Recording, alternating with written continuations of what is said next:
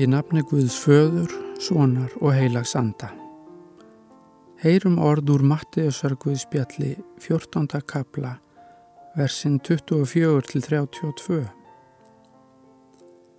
En báturinn var þegar komin langt frá landi og lágundir áföllum því að vindur var á móti.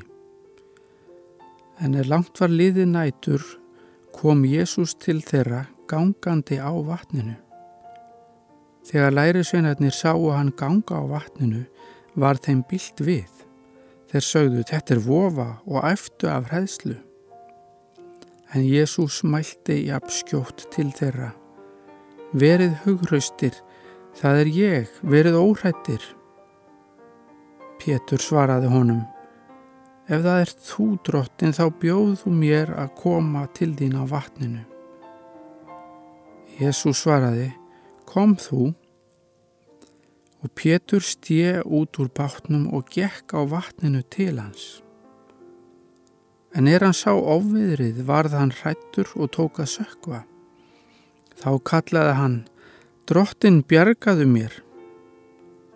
Jésús rétti þegar út höndina, tók í hann og sagði, trúlittli maður, hví efaðist þú? Þeir stigu í bátinn og þá lægði vindinn. En þeir sem í bátnum voru fjallu fram fyrir honum og sögðu, sannarlega er þú sonur Guðs.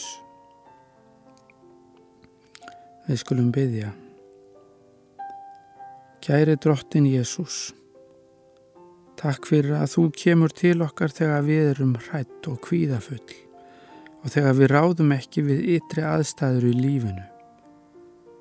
Takk fyrir að þú býrð yfir mætti til að stilla storma lífsins. Hjálpa okkur að hlínast þér þegar að þú býður okkur að taka skref í trösti til þín og stíga út á öldur sem mannlega talað geta ekki borð okkur. Takk fyrir að þú réttir okkur hjálparhönd þegar okkur finnst við vera sökva. Hjálpa mér að efast ekki og horfa sífælt til þín og ekki á kringum stæðunar. Í Jésu nafni. Amen.